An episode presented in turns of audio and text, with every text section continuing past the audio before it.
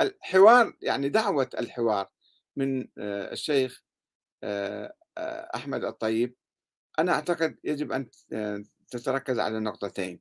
أولا على تعزيز الاتجاه الديمقراطي في العالم الإسلامي.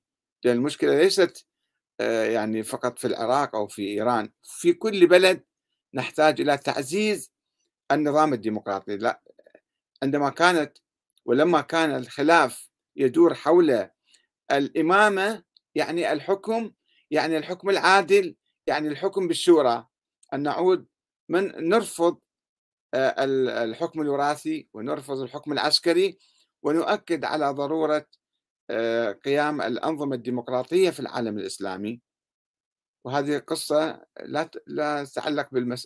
بالخلاف السني الشيعي إنما تتعلق بالخلاف بين الشعوب العربية الإسلامية وأنظمتها المستبدة الظالمة الدكتاتورية. فيجب أن نحارب الظلم والطغيان والاستبداد في العالم العربي والإسلامي. وأيضا تبقى بعض مخلفات الصراع التاريخي أو الخلاف التاريخي اللي كان حول الإمامة قبل 1400 سنة. هذه المخلفات تنحصر في هالقراءة السلبية للتاريخ.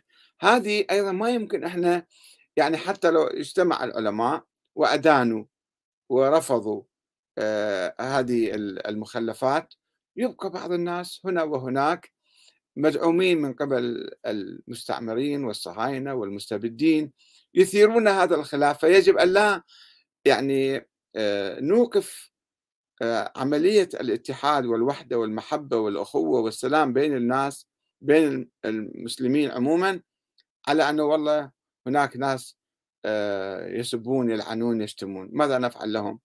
ندينهم نستنكر عملهم ولكن هذا لا يجوز أن يقف عقبة أمام الوحدة تقول له.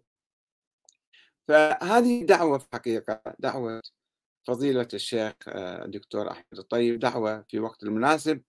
ولكن لابد أن آه، أن نتجاوز فقط عقد لقاء ومثلا آه، نجي نستنكر نعمل نقول كذا وكذا إنما يجب علينا أن نكرس الاتجاه الديمقراطي هو الذي يوحد المسلمين اليوم.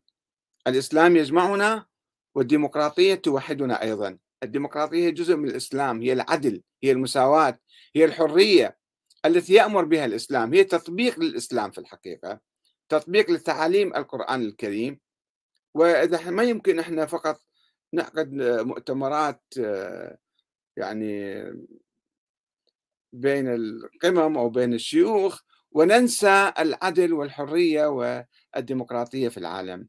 نأمل إن شاء الله أن تتواصل هذه اللقاءات بين مختلف العلماء من كل الطوائف من كل المذاهب ويترجموا لقائهم إلى خطط عملية لمكافحة الظلم والاستبداد وتحرير الشعوب العربية والإسلامية.